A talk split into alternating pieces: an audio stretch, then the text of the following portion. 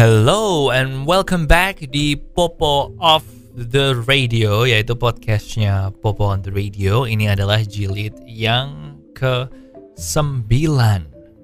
Hello and welcome di Popo of the Radio jilid yang ke 9 dengan judul Work from Home. I'm your host Popo Kusen dan sesuai dengan judulnya maka ini ya membahasnya masih seputar coronavirus sih walaupun jilid yang ke-8 kemarin juga udah ngebahas soal corona ya.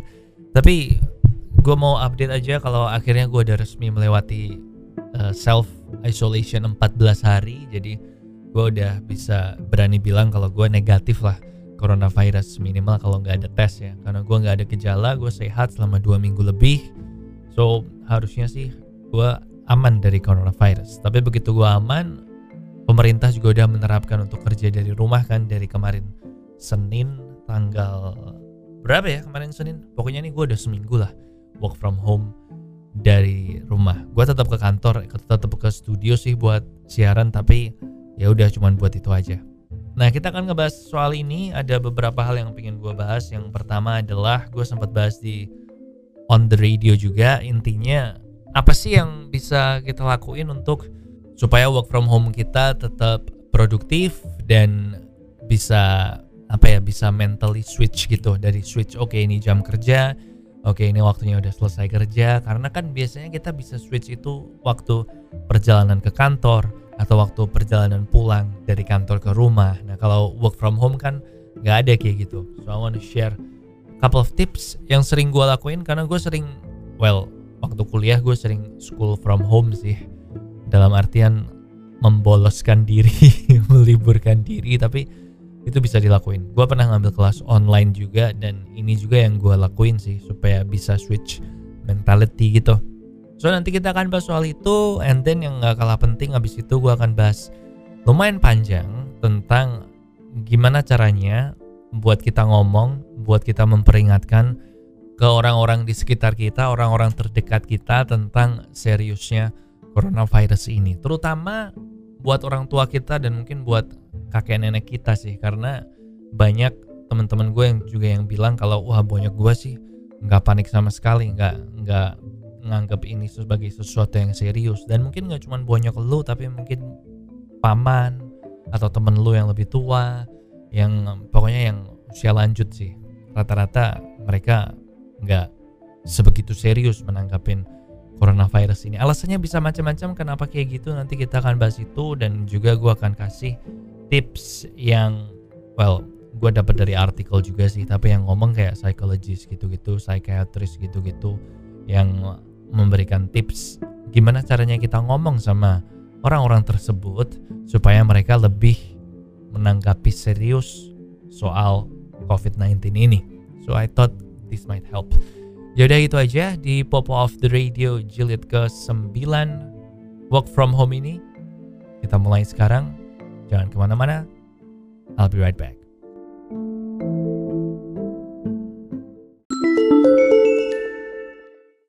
Oke, okay, jadi untuk work from home kali ini, gue ada beberapa tips gue mau share yang sering gue lakuin juga untuk membuat uh, suasananya lebih enak ya. Um, tipsnya singkat aja sih, gue jelasin satu persatu nanti. Yang pertama adalah, gue itu paling sulit kalau mesti belajar dari rumah dan sekarang untuk kerja dari rumah untuk melawan godaan untuk tiduran aja di ranjang ya sih tiduran itu enak banget kayaknya makin gue tambah umur gue itu makin mensyukuri waktu tiduran di ranjang deh karena jujur kalau waktu masih kecil gue itu orang yang anak ya anak yang paling sulit buat disuruh tidur siang tapi sekarang waktu gue udah gede waktu gue udah berusia yang cukup gue ngerasa bersyukur banget buat sedikit-sedikitnya waktu tidur siang yang gue dapetin. Nggak tahu mungkin karena guanya yang males aja sih sering tiduran. But yang pertama adalah rapikan ranjangnya kita. Jadi habis lu bangun, udah mau siap-siap buat kerja nih, work from home nih. Nah ranjangnya dirapiin. Atau kalau lu punya kamar yang beda ya udah lu rapiin ranjang terus tutup kamarnya. Tapi kalau lu di studio apartemen atau ngekos kan susah ya karena nggak ada dua ruang yang berbeda. Nah rapiin ranjangnya dan rapiinnya itu bener-bener rapiin sih kalau gue bilang. Jadi nggak cuma ngel ngelipet selimut aja, uh, ngerapiin uh, bantal dan lain-lain, tapi lu juga kasih dekorasi di situ atau lu tutupin terus lu kasih spray buat yang bersihin ranjang. Pokoknya bener-bener yang pakai effort supaya waktu lu tergoda buat tiduran di ranjang, lu ngerasa sayang, aduh gue udah ngerapiin ranjang nih. Nanti aja lah sampai nanti malam. Nah, itu tips pertama yang bisa dilakuin sih. Dan ada efek positifnya juga dari itu kalau lu terbiasa benerin ngerapiin ranjang maka waktu wabah coronavirus ini udah selesai ya lu udah kebiasaan udah punya kebiasaan baru yaitu ngerapiin ranjang karena itu melatih disiplin sih. Gue dulu nggak pernah. Ranjang gue waktu gue bangun kayak gitu ya waktu malam mau tidur ya tetap kayak gitu. Karena gue selalu punya mindset ya kan ntar bakal dibikin bakal dibuat tidur lagi juga. Nah sejak gue menerapkan tips ini jadi lebih ya lebih rapi lebih disiplin aja sih.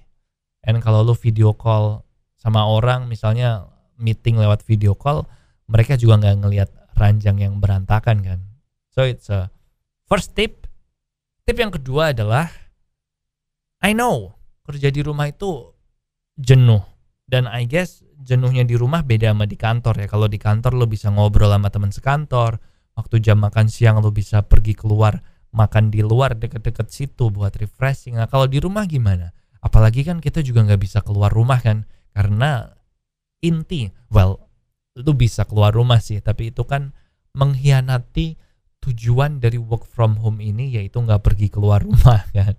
Nah, maka pada waktu lu jenuh, lu bisa ngelakuin kerjaan-kerjaan yang biasanya nggak lu lakuin kalau lu weekdays karena lu sibuk kerja dari pagi sampai malam jadi lu nggak ada waktu.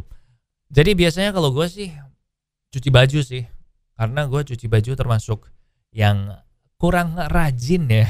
Jadi biasanya gue weekend mesti cuci baju. Nah itu kan bikin weekend kita waktunya lebih sedikit juga makanya gue saranin yang kedua adalah ya dilakukan tuh cuci baju mungkin lainnya cuci baju hal-hal yang kamu tunda karena selama ini mesti kerjaan, mesti ke kantor segala macam.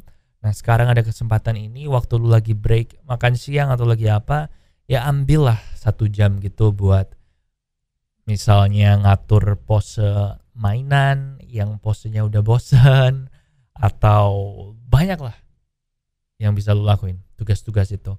Eh, ngerapin dapur eh, menyusun di rak-rak meja segala macam semuanya disusun ulang. Tapi ini lakuin waktu break kalau lagi jenuh sama kerjaan kantor yang mestinya lo kerjain ya. Ini tips yang kedua nggak sebegitu penting dibanding tips pertama sih karena ini um, dilarang nggak boleh keluar rumah. Karena biasanya sih kalau boleh keluar walaupun work from home kan bisa apa ya kayak beli grocery sekali atau lari bentar keliling komplek tapi sekarang kan sebaiknya dihindarin. Jadi tips yang kedua ini terbatas apa yang bisa dilakuin. Nah tips yang ketiga ini menciptakan sebuah ritual baru. Seperti yang tadi gue bilang di awal di awal podcast ini kalau biasanya kalau kita berangkat kantor terus kita selesai kerjaan terus kita perjalanan pulang ke kantor. Nah waktu kita udah nyampe rumah kan mental kita itu udah mental di rumah gitu. Udah bukan mental di pekerjaan lagi udah nggak stres mikirin kerjaan hopefully dan sebagainya. Nah tips yang ketiga adalah ciptakan ritual yang waktunya kurang lebih sama kayak perjalanan lu pulang untuk relax untuk mereset mental lu nah kalau yang gue lakuin biasanya adalah dengan mandi mandinya biasanya mungkin lu malam jam tujuh setengah delapan ya ini mandinya selesai kerja jadi mungkin jam 5 kalau kerja lu dari jam 9 sampai jam 5 Nah mandinya ini juga jangan mandi yang asal mandi bersih, tapi mandi yang benar-benar relaksasi gitu. Jadi mandinya yang ya lo bisa mikir banyak hal di situ.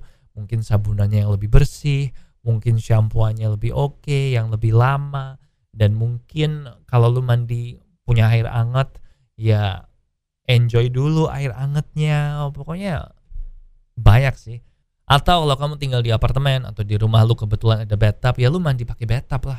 Berendam. Itu enak loh. Itu one of my favorite thing to do. Berendam di bathtub. kalau gue kebetulan lagi pergi ke luar kota di kamar hotel ada bathtub gue selalu sempetin buat ya kalau sempet tapi diusahain sesempet sempetnya gue sempet berendam sih. Kayak kemarin waktu gue liburan gue nyari Airbnb juga yang ada bathtubnya gitu biar bisa berendam di situ karena itu membantu banget buat relax loh. Atau kalau kamu nggak suka mandi ya cari ritual lain lah. I'm sure lu pasti punya ritual lain yang lu hobi kan jadi itu tiga tipsnya. Yang pertama, rapikan ranjang. Yang kedua, do errands. Lakuin hal-hal yang biasanya lu lakuin weekend yang membuat nanti waktu di weekend lebih lama dan yang terakhir bukan lebih lama waktu di weekend lebih free dan yang terakhir bikin ritual gitu untuk perjalanan berangkat kantor dan perjalanan pulang kantor itu ya tiga tips lainnya dan habis ini gue akan ngomongin soal Kenapa dan bagaimana caranya buat kita ngomong sama orang tua dan kakek nenek kita tentang seriusnya COVID-19 ini. So jangan ke mana-mana. Alright, welcome back di Popo of the Radio, jilid ke-9, Work from Home. Gue baru hari kelima sini, ke-6, ke-7, aduh gue lupa lah. Gue udah lupa hari tau gak, kemarin gue pikir masih hari Kamis, tapi ternyata udah Jumat. Well, ini hari Jumat sih gue record ini Jumat pagi. Anyway, banyak mungkin di antara kita yang ngalamin apa yang gue alamin dan teman-teman gue alamin yaitu di mana orang tua kita itu tidak apa ya nggak takut gitu sama virus corona ya memang sih kita nggak perlu takut tapi kan tetap harus waspada kan tetap harus serius dalam menghadapi coronavirus ini kalau nggak akibatnya bisa gawat bisa nyebar sampai ke mana-mana dan ada beberapa teori yang disampaikan oleh seorang profesor di Harvard yang bilang kenapa sih kok ada orang-orang yang tidak menganggap coronavirus COVID-19 ini serius. Nah beberapa penyebabnya dijelasin ada tiga atau empat. Yang pertama adalah misinformed atau misinformasi atau dia dapat pengetahuan yang salah mungkin dari forwardan WhatsApp yang tidak bisa dibuktikan kredibilitasnya pun juga dipertanyakan maka mereka akhirnya salah salah nangkap soal coronavirus ini sehingga tidak dianggap serius sama mereka. Nah yang kedua bisa juga mereka in denial jadi mereka itu tahu kalau coronavirus ini serius tapi mereka menyangkalnya karena ya sama kayak um, amit-amit nih misalnya lu kena penyakit parah dan lu menyangkal enggak lah gue nggak kena itu jadi belum bisa menerima kenyataan bahwa COVID-19 ini adalah sesuatu yang serius. Nah yang ketiga bisa juga mereka ngerti betapa seriusnya COVID-19 ini tapi mereka dengan semangat atau jiwa orang tuanya itu nggak pengen membuat kita anak-anaknya khawatir jadi mereka terus secara refleks bilang sama kita oh gue aman lah nggak usah khawatir sama gue nggak usah takut uh, aman lah coronavirus ini gue nggak akan kena dan sebagainya itu karena mereka insting melindunginya mereka ke anak-anaknya mereka nah bisa juga karena mereka pernah survive virus-virus outbreak yang sebelumnya seperti SARS, Ebola, MERS. Mungkin kalau kakek lu dulu sempat ada masih hidup sampai sekarang ngalamin virus flu yang tahun 1918 atau yang kolera tahun 80-an mungkin dia juga survive dari itu. Jadi dia ngerasa ah, ini gue juga survive lah. Mungkin bisa juga kayak gitu. Tapi menurut psikologi di Harvard dia juga bilang kalau ya kita human beings umat manusia itu pada dasarnya memang sulit untuk menerima sesuatu yang terjadi sangat pelan contohnya global warming atau sesuatu yang terjadi sangat cepat. Contohnya COVID-19 ini. Bayangin aja dari dua misalnya hari sebelumnya semuanya masih aman tapi begitu hari ini udah ada banyak yang kena and then semua sport event juga di cancel dan semua kehidupan udah nggak bisa normal lagi mesti work from home belum kalau di daerah yang mesti di lockdown nggak bisa ke mana-mana maka itu membuat mereka especially hard buat menerima keadaan ini itu sih umat manusia pada umumnya nggak cuman um, yang udah tua atau seumuran bonyoknya kita. Nah, tapi kan penting ya, kita udah tahu kenapa nih, kenapa mereka mungkin bisa aja nggak menerima atau nggak memperlakukan COVID-19 ini serius. Tapi kan kita tetap punya kewajiban buat ngasih tahu mereka dong, buat ngomong sama mereka dong. Sebenarnya ini tuh kayak gini, kayak gini, kayak gini, apa yang harus kamu lakuin, dan uh, macam-macam lah banyaknya. So, ini ada beberapa tips yang gue rangkum dari berbagai sumber dan gak cuman mengenai coronavirus sih sebenarnya lu bisa ngelakuin ini juga ke kasus-kasus lain tapi ini biasanya berlaku buat yang orang-orang yang udah tua nah tapi gue break bentar ya gue ambil minum dulu sama cuci tangan dulu sama cuci muka dulu pokoknya gue mau bersihin dulu sebelum gue mulai ngomong sama kamu tips-tips yang bisa kita lakuin untuk ini oke okay? Oke, jadi tips yang bisa kita lakuin untuk membantu kita ketika ngomong-ngomong sama orang yang lebih tua, sama orang tua kita, atau sama teman-teman yang mungkin kurang serius menghadapi coronavirus atau COVID-19 ini adalah yang pertama, hindari menggunakan kata-kata lanjut usia atau lemah atau vulnerable, pokoknya hindarin kata-kata yang menunjukkan kelemahan karena kita sebagai manusia gak peduli nanti udah tua pun itu sensitif ya sama kata-kata lanjut usia, sama kata-kata tua, sama kata-kata lemah atau mudah terkena. Maka itu sensitif. Jadi kita gunakan kata-kata lain. Kasih data-data yang menunjukkan sesuatu yang konkret, bukan manusia lanjut usia tapi usia 50 tahun ke atas misalnya atau usia 55 tahun ke atas karena kalau kita lihat data aja, coronavirus atau COVID-19 ini itu menyebarnya sama seperti virus flu, tapi matikannya itu sama kayak serangan jantung, terutama buat yang berusia 55 tahun ke atas. Jadi penyakit jantung atau serangan jantung heart attack itu fatality rate-nya atau rate kematiannya adalah 15% sama dengan rate kematian dari COVID-19 untuk pasien berusia 15 tahun, eh 15 tahun, 55 tahun ke atas. Rate kematiannya 15% sama, kurang lebih sama. Jadi kasih tahu mereka dengan cara ini. Jadi bukan berarti terus mereka ngerasa sehat atau apa, tapi memang karena COVID-19 ini gitu tadi, menyebar sama seperti flu, tapi semengerikan atau seserem dan seberbahaya serangan jantung Nah, mungkin mereka bisa jadi lebih apa ya? Lebih tersadarkan dengan perkataan ini.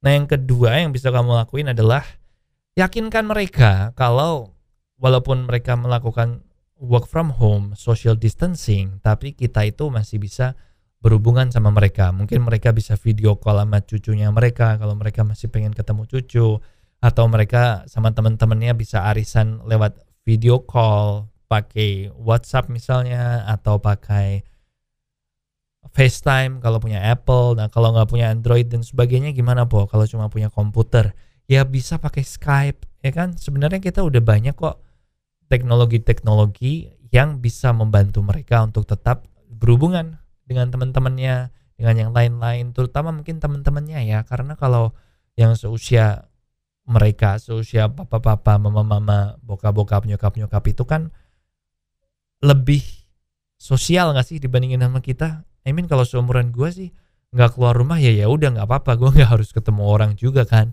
bisa banyak hiburan di rumah juga kita cenderung lebih antisosial daripada banyak-banyak kita kan makanya antisocial social club adanya sekarang kan? Yang nyiptain juga generasinya kita. So yakin kan kalau bisa. Nah Skype WhatsApp video call segala macam juga sekarang kan gampang kan? Nggak nggak banyak yang mesti dilakuin. Kalau dulu mesti dial up connection terus internetnya lemot. Kalau sekarang kan cenderung enggak gitu loh. Jadi yakinkan itu mungkin bisa menjadi tips yang kedua. Selanjutnya ini berlaku nggak cuman buat orang yang lebih tua aja sih dan nggak cuman untuk kasus COVID-19 aja sih tapi juga berlaku kalau lu pengen buat orang lain ngedengerin kita caranya ya dengan kita ngedengerin mereka dulu jadi kadang kalau kita lagi ngasih tahu gitu kita jadi terjebak pengen memberitahu poin-poinnya kita pengen memberitahu pendapatnya kita sehingga kita lupa ngedengerin. Siapa tahu mereka kalau kalau kita dengerin kekhawatirannya mereka tentang social distancing, kita bisa ngejelasin yang benar gimana. Misalnya, kalau aduh gue khawatir nih kalau gue nggak pergi keluar, nggak beli belanjaan, nggak beli makanan buat hewan piaraan gue, nanti dia nggak dikasih makan. Atau gue bisa sumpek nih kalau nggak pergi ke bioskop nonton bioskop. Nah, ketika lu udah tahu kekhawatirannya mereka ini, Nah, lu bisa ngasih solusinya. Kayak misalnya ya udah deh, dua minggu ini nggak usah keluar rumah, tapi aku yang beliin makanan buat hewan-hewan piaraan. Aku yang ngelakuin tugas-tugas yang papa atau mama mesti lakuin. Nah, itu bisa. Soal sumpah nggak ada tontonan, nggak bisa ke bioskop, ya lu bisa mungkin setting Netflix accountnya mereka atau buat buat dia downloadin file film-film yang mereka pengen nonton terus diletakkan di TV-nya mereka itu bisa ngebantu sih. Terus bisa juga fokusnya lu pindahkan. Jadi mungkin mereka fokusnya adalah gue sehat kok, gue nggak bakalan kena coronavirus. Nah fokusnya ini kamu ganti menjadi membantu yang lainnya. Jadi dengan papa mama nggak keluar rumah, social distancing itu kan membantu orang lain supaya orang lain ini juga nggak bisa menyebarkan virusnya. Jadi bukan melulu soal diri kita, tapi soal membantu orang lain juga. Karena biasanya banyak-banyak itu lebih ya faktor lebih dewasa dari kita, jadi mereka lebih mikirin orang lain kan daripada mikirin eh, diri sendiri. Nah, so mungkin ini bisa dilakuin. Dan yang terakhir, cobalah kasih secara spesifik gitu apa yang pengen kamu lakuin. Jadi instead of kamu ngasih tahu 5 atau 6 hal yang harus dilakukan dalam rangka social distancing ini, maka lu bisa ngasih ke hal spesifik aja yang mereka gampang buat ngikutin. Misalnya ya udah dua minggu ini gak usah keluar rumah ya, tapi lainnya masih boleh nggak apa-apa. Pokoknya satu persatu deh sampai dia setuju. Jadi lu jangan langsung ngasih semuanya. Oke ini enam hal yang mesti dilakuin waktu social distancing cuci tangan sering ini ini jangan ini jaga jarak satu meter bla bla bla bla bla kadang mereka terus kayak aduh ribet banget sih nah lu bikin sesimpel mungkin satu persatu secara spesifik nah sementara ini aja sih tipsnya yang gue punya untuk menjelaskan ke orang yang lebih tua. Kalau kamu punya tips lain bisa kamu kasih saran lewat DM Instagram di @popo_on_radio. Bisa juga lewat email ke kusenpopo1 at gmail.com pokoknya ya pokoknya kalau lu kenal gue juga ya lu bisa WA ke gue langsung tipsnya apa. Dan bersama-sama gue yakin kita bisa ngelewatin masa coronavirus ini sih dan semoga orang tua lu setelah lu jelasin pakai tipsnya ini jadi bisa lebih menerima ya kalau misalnya nggak bisa ya paling nggak lu udah usaha sih usaha sekuat mungkin oke okay? Ya udah itu aja buat Popo of the Radio jilid yang ke-9 ini work from home. Ingat bersama-sama kita hadapin coronavirus. Jilid ke-10 akan keluar dua minggu dari sekarang. Kalau nggak ada sesuatu yang signifikan, mungkin bisa juga minggu depan keluar. But paling lambat dua minggu dari sekarang udah keluar lah jilid yang ke-10. Kalau lo punya saran, kritik, atau masukan buat ngomongin apa selanjutnya, DM me and bisa Twitter, bisa Instagram ya at Popo on Radio. So I guess that's it. Jaga kesehatan, cuci tangan, jangan pegang muka, jaga jarak dengan orang lain, social distancing, hashtag di rumah aja, nggak perlu ke mana-mana. Oke? Okay? This is Popo Kusen. Terima kasih udah mendengarkan. Matur nuwun wis ngrungokno. Thank you for listening and I'll see you when I see you.